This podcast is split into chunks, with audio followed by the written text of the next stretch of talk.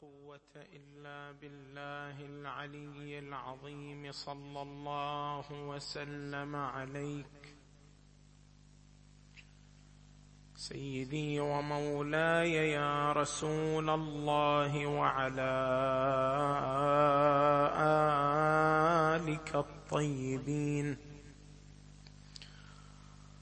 الطاهرين المظلومين. السلام على غريب الغرباء. الراضي بالقدر والقضاء.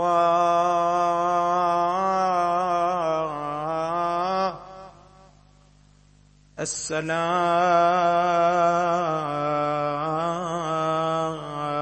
على شمس الشموس وأنيس النفوس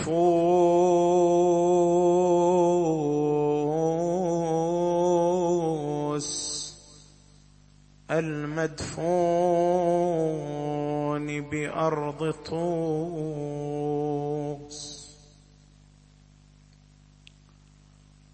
قبر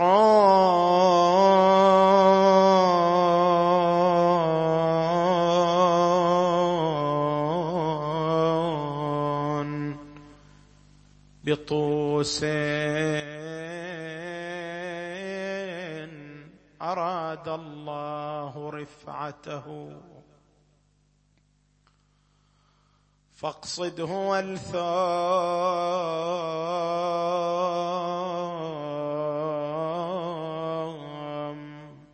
إذا ما جئت تربته. وقل إذا ما رأت عيناك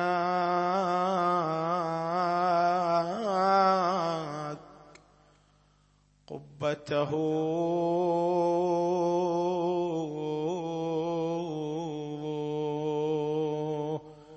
يا أرض طوسين.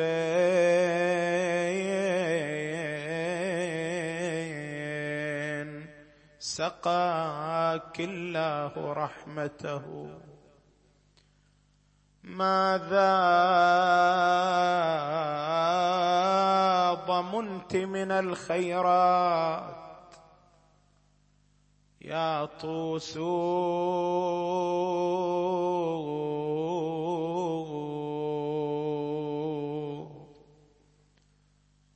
يا بقعة.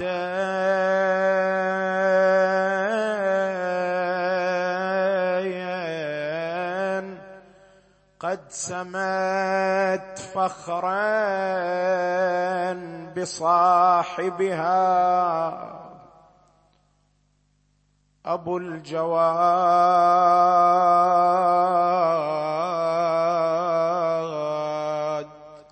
علي الطهر حل بها. فضاهت العرش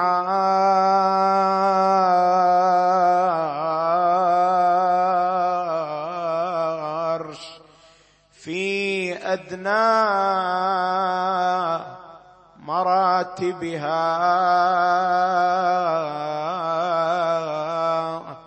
طابت بقاعك في الدنيا وطاب بها. شخصان ثوى بسنا أباد مرموس. شخصان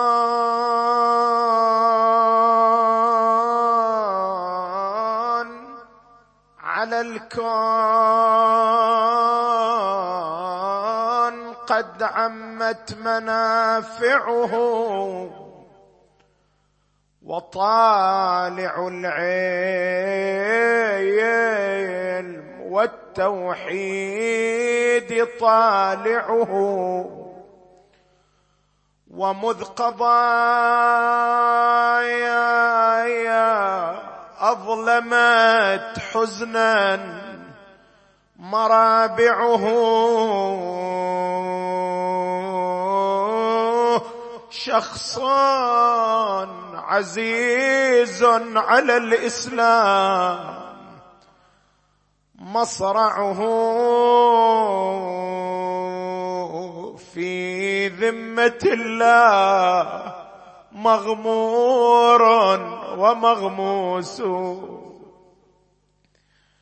من عالم النور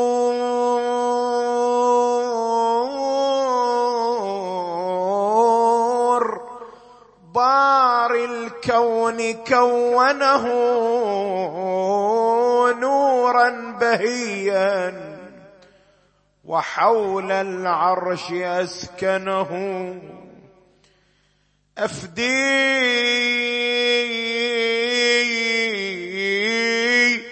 بنفسي قبرا صار موطنه. يا قبره أنت قبر قد تضمنه. حلم وعلم وتطهير وتقديس. قبرا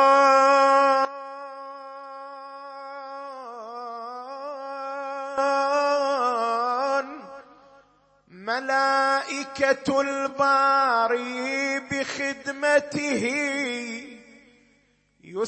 يسبحون خشوعا. حول قبته قبرا ملائكة الباري بخدمته يسبحون خشوعا حول تربته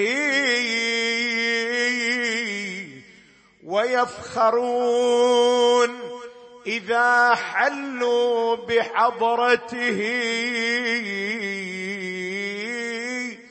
فافخر بأنك مغبوط بجثته وبالملائكة الأطهار محروس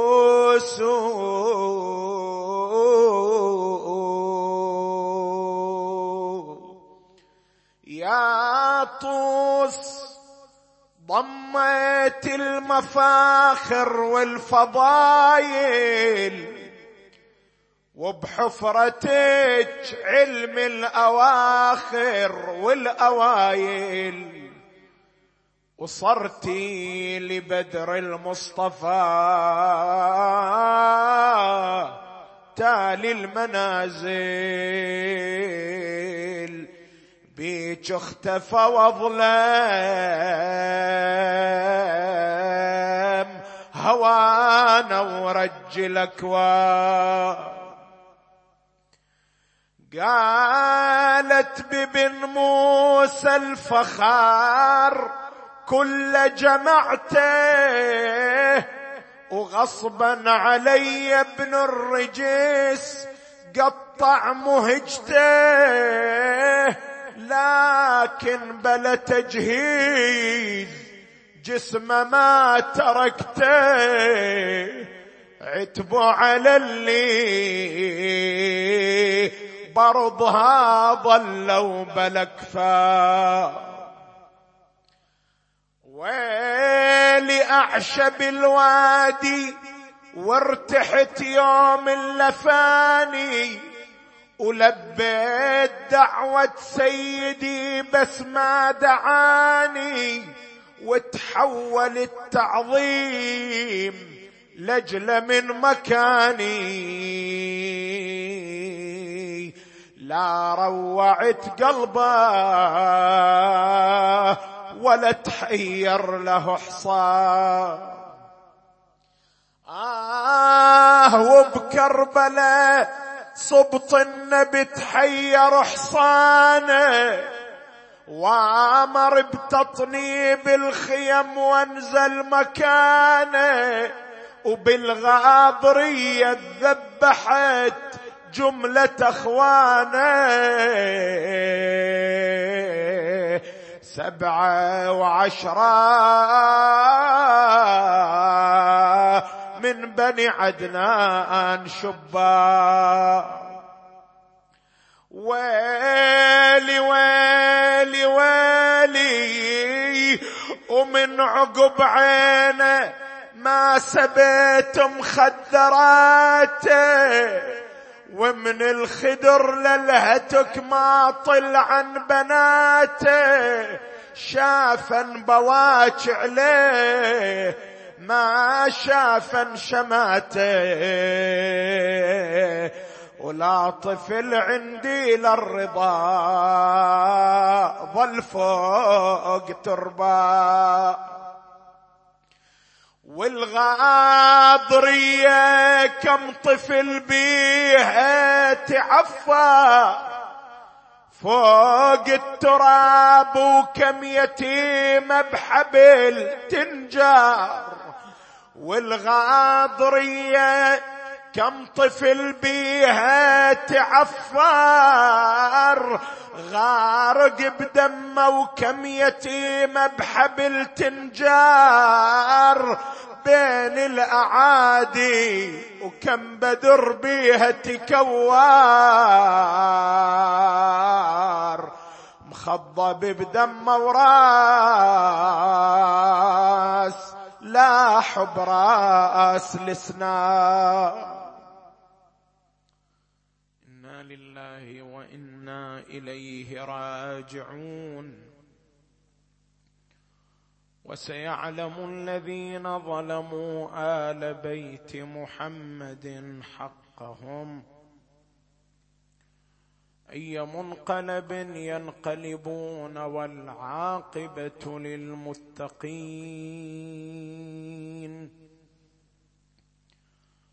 ورد عن سيدنا وإمامنا باب الحوائج موسى بن جعفر. صلوات الله وسلامه عليه.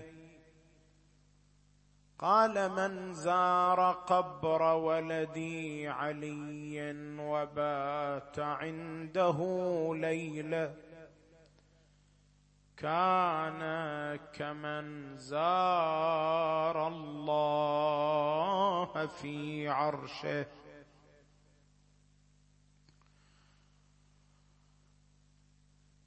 الروايات التي تحدثت عن زيارة الإمام الرضا صلوات الله وسلامه عليه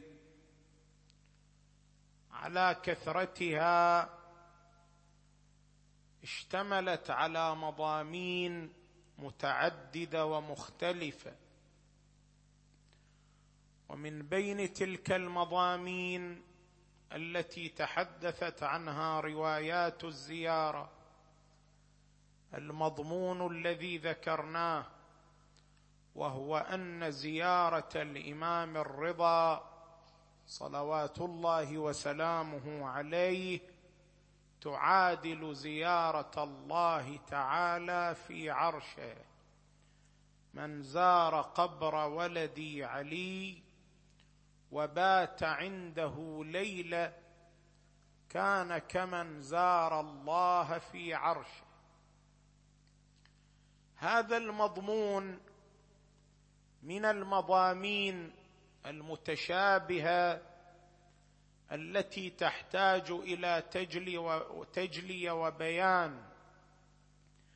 فإن البعض بمجرد أن تمر عليه هذه المضامين قد يسارع إلى تكذيبها وإنكارها حملا لها على بعض المعاني الفاسدة وغير الصحيحة. والحال أن أمثال هذه الروايات ليس يصح التعامل معها بشكل فوري بهذا النحو من التعامل. لما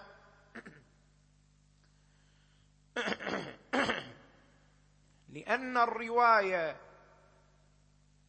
الواردة عن المعصوم عليه السلام يتم التعامل معها من خلال مراحل ثلاث. المرحلة الأولى حملها على المعنى الحقيقي الظاهرة فيه.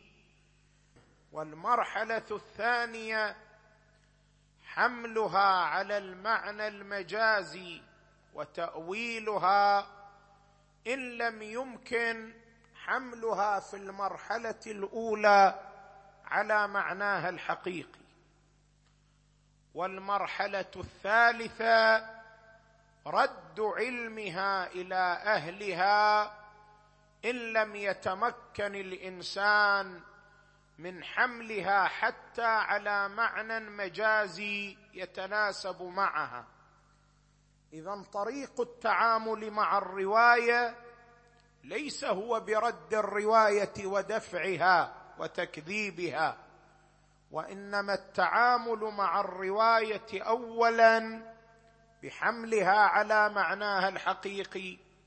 فلو تعذر ذلك تحمل على معناها المجازي. فلو تعذر ذلك ترد علمها إلى أهلها. إلى الأئمة من آل محمد عليهم السلام.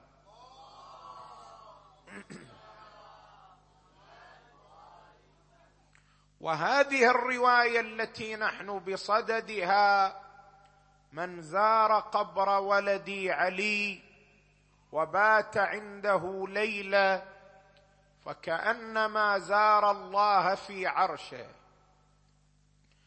عندما نريد أن نتعامل معها من خلال بيان المعنى الحقيقي لها لا يمكن حملها على المعنى الحقيقي لأن حملها على المعنى الحقيقي يستلزم تجسيم الله سبحانه وتعالى وأن يكون الله محدودا بمكان معين يعبر عنه العرش.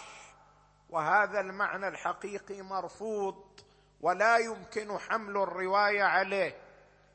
اذا لا بد من الانتقال من المرحلة الأولى في التعامل مع الرواية إلى المرحلة الثانية. فتحمل الرواية على معنى مجازي. ما هو المعنى المجازي المحتمل؟ لهذه الرواية. هنالك معنيان مجازيان. المعنى الأول أن يقال بأن هذه الرواية تشير إلى تجلي الذات المقدسة في المعصوم صلوات الله وسلامه عليه. ما معنى تجلي الذات المقدسه في المعصوم؟ نحن عندما نعتقد بأن المعصوم عليه السلام امام ما هو معنى إمامة المعصوم؟ هنا بعض الناس يتصور الإمامة بمعنى ضيق بينما المعنى الذي طرحته الروايات للإمامة معنى آخر معنى واسع معنى كبير. مثلا عندما نأتي إلى نفس الإمام الرضا صلوات الله وسلامه عليه الذي نحن نعيش ذكرى شهادته ماذا يعرف الإمام؟ الإمام الرضا يقول الإمامة خلافة الله. هنا الإمام عليه السلام عندما يعبر عن الامامه بأنها خلافة الله يكون قد اختصر المعنى الواسع الكبير العظيم في عبارة تتكون من ثلاث كلمات. الإمامة خلافة الله. خلافة الله يعني ماذا؟ أنت عندما تقول فلان خليفة فلان. لما تقول فلان خليفة فلان يعني ماذا؟ يعني من انتقلت صفات المستخلف إليه. الذي انتقلت صفات المستخلف إليه يعبر عنه خليفة. لما يكون هناك إنسان عنده ولدان وهذا الإنسان له صفات معينة إيمان كرم علم سخاء. يموت هذا الإنسان عنده ولدان. ولد كريم سخي عالم مؤمن. بينما الولد الآخر فاسق والعياذ بالله بخيل جاهل. أي الولدين يعبر عنه بأنه خليفة والده؟ واضح. الولد الأول الحائز على صفات والده. يعبر عنه بأنه خليفة والده الخلافة معناها انتقال صفات المستخلف إلى صفات الخليفة له. فلما الإمام الرضا عليه السلام يقول الإمامة خلافة الله يعني أن الإمام هو الحائز على الصفات الإلهية المقدسة والذي تتجلى فيه صفات الله تعالى. فعندما يريد أن يرى الإنسان علم الله علم الله يتجلى في الإمام. إرادة الله تتجلى في الإمام. عصمة الله تتجلى في الإمام. قدرة الله تتجلى في الإمام. هذا معنى أن الإمامة كما يقول الإمام الرضا عليه السلام أن الإمامة خلافة الله. نعم يبقى الفرق بين الصفات الإلهية والصفات الموجودة عند الإمام أن الصفات الإلهية صفات ذاتية استقلالية بينما الصفات عند الإمام أفاضها الله تعالى عليه.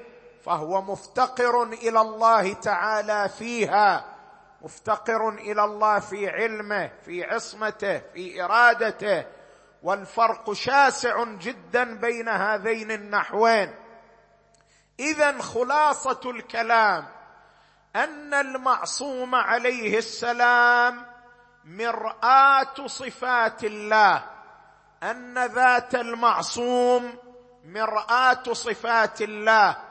وبالتالي شنو يترتب على ذلك؟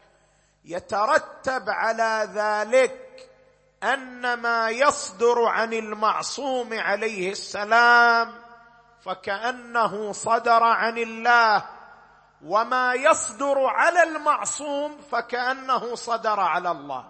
من ناحيتين ما يصدر من؟ كأنه صدر من الله. وما يصدر عليه أيضا ماذا؟ كأنه يصدر على من؟ على الله. وهذا ما نبه إليه القرآن. القرآن يقول من يطع الرسول فقد ماذا؟ أطاع الله.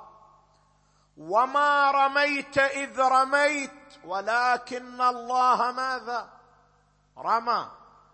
إن الذين يبايعونك إنما يبايعون الله.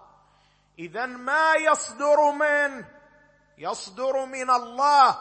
وما رميت إذ رميت ولكن الله رمى.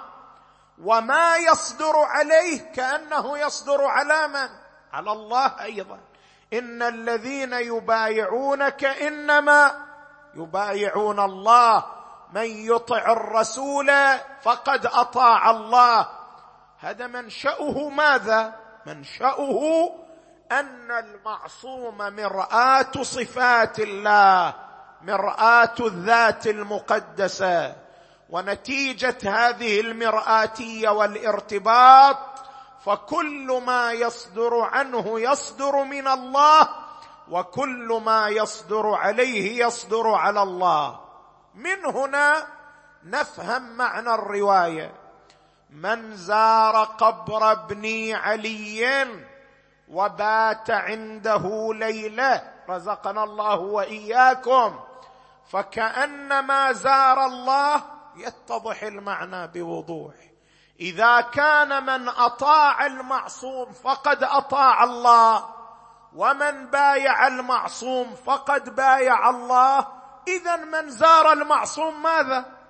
فقد زار الله كنتيجة طبيعية لكون المعصوم عليه السلام مرآة للذات الإلهية المقدسة.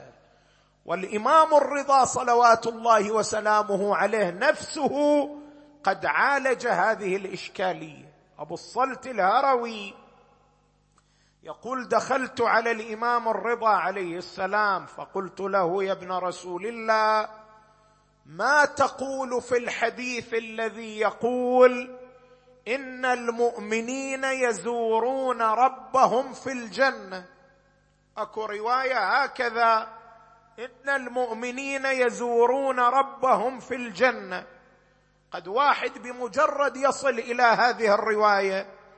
يضرب بها عرض الجدار. لكن الإمام يعلمنا أن منهج التعامل مع الروايات والأحاديث ليس هو بالبدار إلى تكذيبها. التفت له الإمام. قال يا أبا الصلت إن الله تعالى خلق نبيه محمد.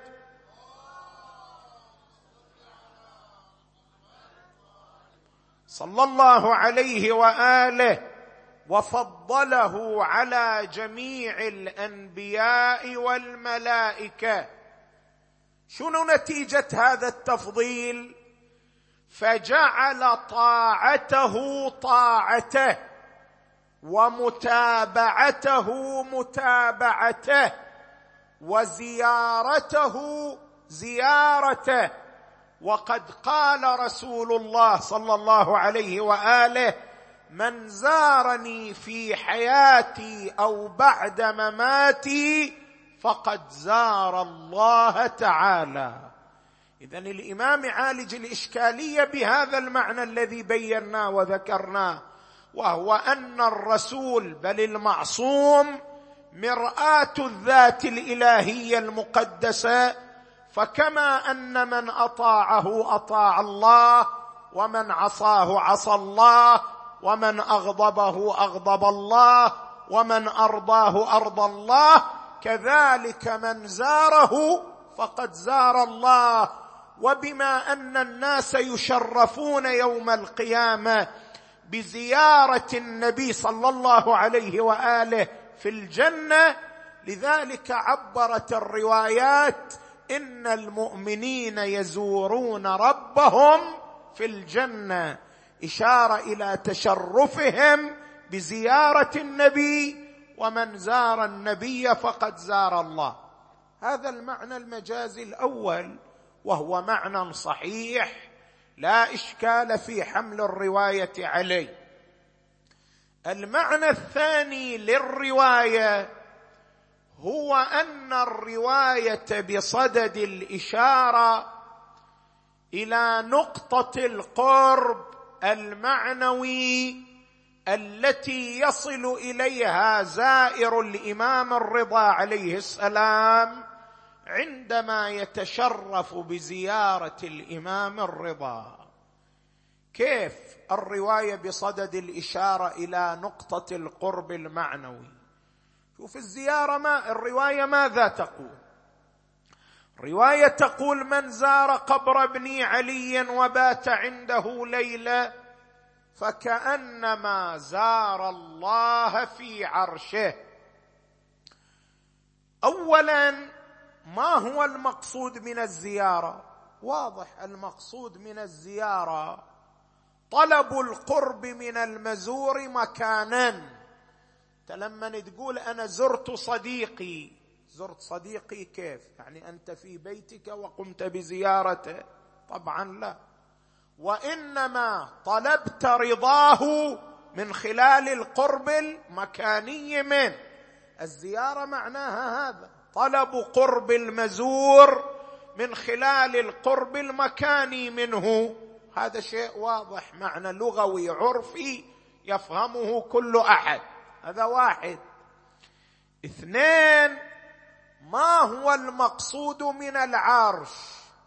لما الرواية تقول فكأنما زار الله في عرشه هل الله تعالى له عرش؟ نعم الله تعالى له عرش. لكن المراد من العرش ماذا؟ ليس المراد من العرش ما قد يتبادر إلى أذهان المجسمة. من أنه عبارة عن مكان يجلس عليه الله سبحانه وتعالى. لا. المراد من العرش. معاني مختلفة لكن المعنى المقصود هنا منطقه مقدسه في السماء. شلون منطقه مقدسه في السماء؟ شوف إحنا مثل ما عندنا مناطق مقدسة في الأرض أكو عندنا مناطق مقدسة في السماء. وهذه المناطق المقدسة في السماء ثلاث. العرش والبيت المعمور والضراح. العرش والبيت المعمور والضراح ما هي؟ الضراح يقع في السماء الرابعة. والعرش يقع في السماء السابعة. وتحت العرش يقع البيت المعمور. هذه المناطق الثلاث عرش بيت معمور ضراح كلها تقع في خط أفقي في خط عمودي واحد. تبدأ من العرش مرورا بالبيت المعمور مرورا بالضراح. هذا الخط العمودي يستمر إلى أن ينتهي إلى الكعبة المشرفة في الأرض. بين الكعبة وبين الضراح وبين البيت المعمور انتهاء إلى العرش. هناك خط عمودي يصل بين هذه المناطق. طيب مثل ما نحن عندنا الكعبة مقدسة. اعتبرها الله اعتبرها الله بيتا له وأمر الناس بالحج إليها. مع أن الكعبة المقدسة ماذا؟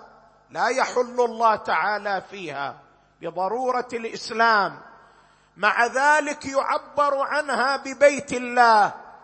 أيضا هذه المناطق الضراح بيت المعمور.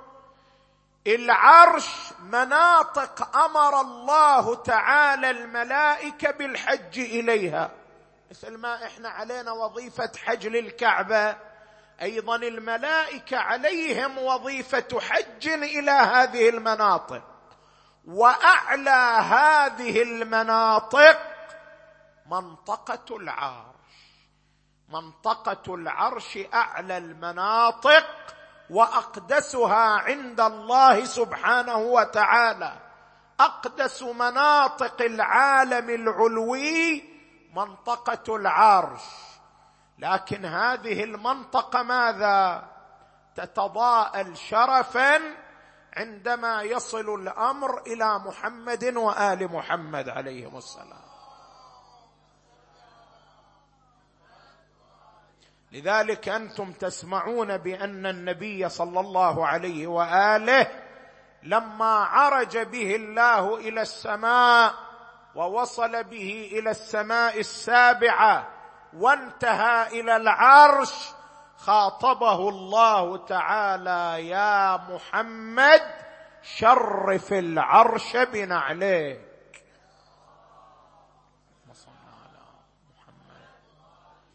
اذا العرش منطقه سماويه شرفها النبي بنعليه صلى الله عليه وآله. لكن هذه المنطقة السماوية هي أعلى نقاط القرب من الله. أعلى نقاط القرب يعني نقاط القرب المعنوي لا نقاط القرب المادي. الرواية تقول من زار قبر ابن علي وبات عنده ليلة فكأنما زار الله ماذا؟ في عرشه. يعني من زار قبر ابن علي وطلب القرب المكاني منه فإنه يحصل له من القرب المعنوي ما كأنه قد وصل إلى ماذا؟ إلى العرش. هذه المنطقة التي بلغها النبي ليلة المعراج صلى الله عليه وآله. هذا يعني أن زيارة الإمام الرضا معراج القرب من الله تعالى. ومن تشرف بزيارة ضامن الجنة وثامن الأئمة فقد انتهى إلى أعلى نقاط القرب المعنوي من الله. هذا معنى من زار قبر ابن علي وبات عنده ليلة فكأنما زار الله تعالى في عرشه. قبر بطوس. أراد الله رفعته. فاقصده والثم إذا ما جئت تربته. وقل إذا ما رأت عيناك قبته يا أرض طوس سقاك الله. رحمته ماذا ضمنت من الخيرات يا طوس؟ ستدفن بضعة مني بأرض خراسان. ما زارها مؤمن إلا وكتبت له الجنة. وحرم الله تعالى جسده على النار. من زارني على بعد داري زرته في ثلاثة مواطن أو مواقف وخلصته من أهوالها. إذا تطايرت الكتب يمينا وشمالا وعند الصراط وعند الميزان. هذه زيارة علي بن موسى الرضا. رزقنا الله تعالى وإياكم زيارته في الدنيا وشفاعته في الآخرة. الإمام الرضا صلوات الله وسلامه عليه الذي قضى في تلك البلاد غريبا بعيدا عن أهله وعشيرته بأبي وأمي بعد أن أشخصه المأمون العباسي من المدينة. ولما الإمام الرضا أراد يطلع من المدينة أنت تقرأ في زيارة الإمام الرضا هذا المقطع. أكو زيارة أيها الأحبة. لما تتشرفون بزيارة الإمام الرضا احرصوا على قراءتها. قد لا تجد هذه الزيارة في كتب الأدعية المشهورة مثل مفاتيح الجنان لكنها موجودة في بعض كتب الزيارات. زيارة الجوادية. زيارة الجوادية تشتمل على معاني رائعة جدا وهي الزيارة التي زار بها الإمام الجواد والده الإمام الرضا. في هذه الزيارة تقرأ هذا المقطع. السلام على من أمر أهله وعياله بالنياحة عليه. شلون أمر أهله وعياله بالنياحة عليه؟ تقول الروايات لما أراد الإمام الرضا الخروج من أرض المدينة أمر بنصب المأتم عليه في مدينة جده شايف واحد يأمر بنصب المآتم عليه قبل أن يموت؟ مولاك علي بن موسى. ليش؟ لأن الإمام عارف بأنه إذا مات في بلاد الغربة ما أكو أحد يبكي عليه في بلاد غربته. ما عنده أحبة ما عنده أولاد يبكون عليه. والإمام أراد يشوف أولاده أحبته كيف يبكون عليه؟ لا جفت دموعكم يا شيعة الإمام. خلي الإمام يشهد دموعكم هذا اليوم ها؟ أمر أهله وعياله بالنياحة عليه فضج بيت الإمام الرضا كل ينادي وإماما. وعليا تعرف ذولا أهل هالبيت متعودين. اللي يطلع من هذا البيت ما يرجع إليه مرة أخرى. ذولا قبل سنوات ودعوا جدهم أمير المؤمنين لما أراد يروح إلى الكوفة لكن رجع الإمام إلى المدينة لو ما رجع. ما ما ما وقعوا إلا على الخبر بان أمير المؤمنين قد ضرب بالسيف على رأسه في محراب الصلاة. متعودين اللي يطلع من هالبيت ما يرجع مرة أخرى. وفارقوا الحسين. ومتى أفاقوا؟ أفاقوا على صوت أم سلمة. تنادي الا وحسينا. جاء لها ابن عباس يا أم المؤمنين ماذا دهاك قالت يا ابن عباس لقد رأيت رسول الله هذه الساعة. أشعث اغبر والتراب على وجهه وكريمته. قلت يا رسول الله ما فعل بك ذلك؟ قال يا أم سلمة الآن قتل ولدي الحسين. وفارقوا قبل سنوات موسى بن جعفر وما افاقوا إلا على الخبر بأن جنازة باب الحوائج مرمية على جسر الرصافة ببغداد والمنادي ينادي ألا ومن أراد أن يتفرج؟ على جنازة إمام الرافضة.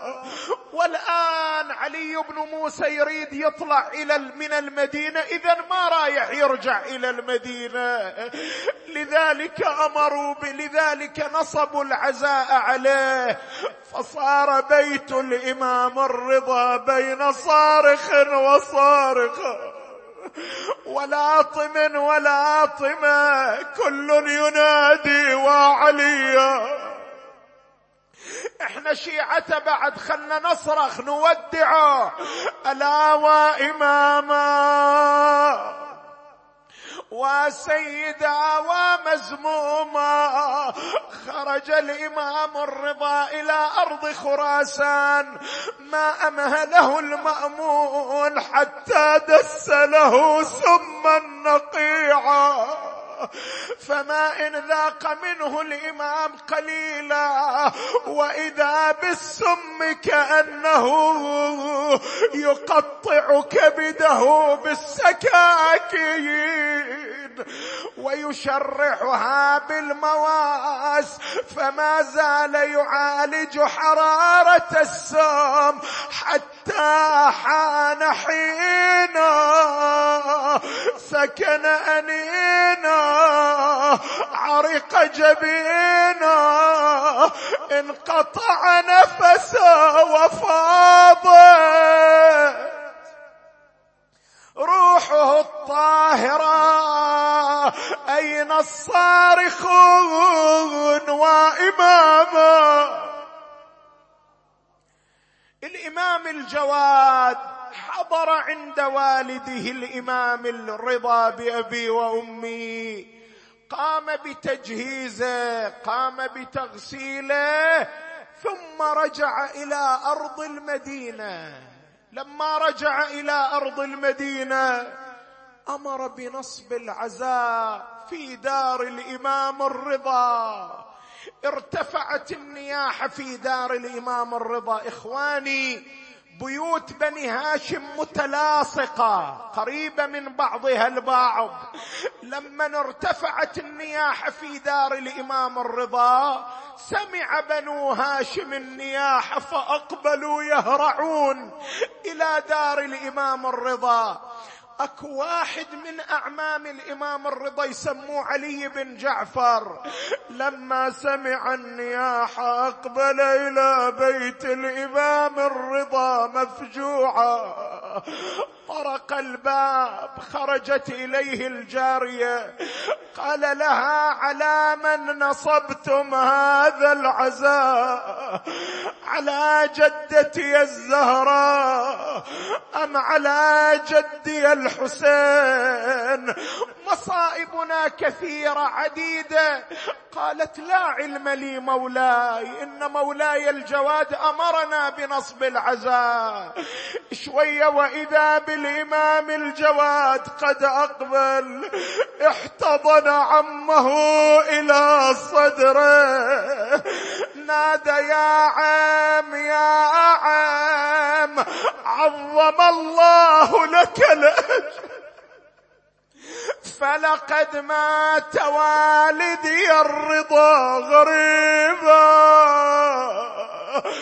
مسموما حينها صرخ من في البيت كل ينادي وعلي آه هيجت لاعاتي يا بن خير البرية. قل لي على من امرت تنصب عزي يا ابني مصايبنا عظيمة شيب الشاب نبكي على ضلعين مكسورة ورا الباب. لولا الجنين اللي تعفر فوق العتاب لو قد جدنا اللي دهن بكرزي ولحنو زفر زفرة وجذب ون شديدة. وقال له يا عمي حلت مصيبة جديدة ويا الرضا المأمون سواها. مكيدة غاله بسمه وزلزل السبع العلي وقبر بطوس يا لها من مصيبة ألحت على الأحشاء بالزفرات إلى الحشر حتى يبعث الله قائما يقوم على اسم الله والبركات. نسألك وندعوك. بسيدنا ومولانا علي بن موسى الرضا فرج عنا بتعجيل فرج المولى. صاحب العصر والزمان اجعلنا اللهم من انصاره وأعوانه والمقاتلين بين يديه. والمستشهدين تحت لوائه. بحقه وبحق آبائه فرج هموم المهمومين واقض حوائج المحتاجين وشافي مرضى المؤمنات والمؤمنين واحفظ مراجع الدين والعلماء العاملين واجعل هذا البلد من المستقره وسائر بلاد المسلمين. اللهم ارزقنا زيارة مولانا الرضا قريبا عاجلا. وارزقنا في القبر حضوره وفي الآخرة شفاعته. ولا تفرق بيننا وبينه طرفة عين أبدا. اللهم احفظ زوار أبي عبد الله. الحسين وأرجعهم إلى أوطانهم ومساكنهم سالمين غانمين وأشركنا في دعواتهم وزيارتهم يا رب العالمين ورد كيد اعدائهم ورد كيد أعدائهم إلى نحورهم بحق محمد وآله الطاهرين وإلى موت العلماء الأعلام وموتى الحاضرين والمؤسسين وموتانا وموتى المؤمنين والمؤمنات. نهدي للجميع ثواب الفاتحة تسبقها الصلوات.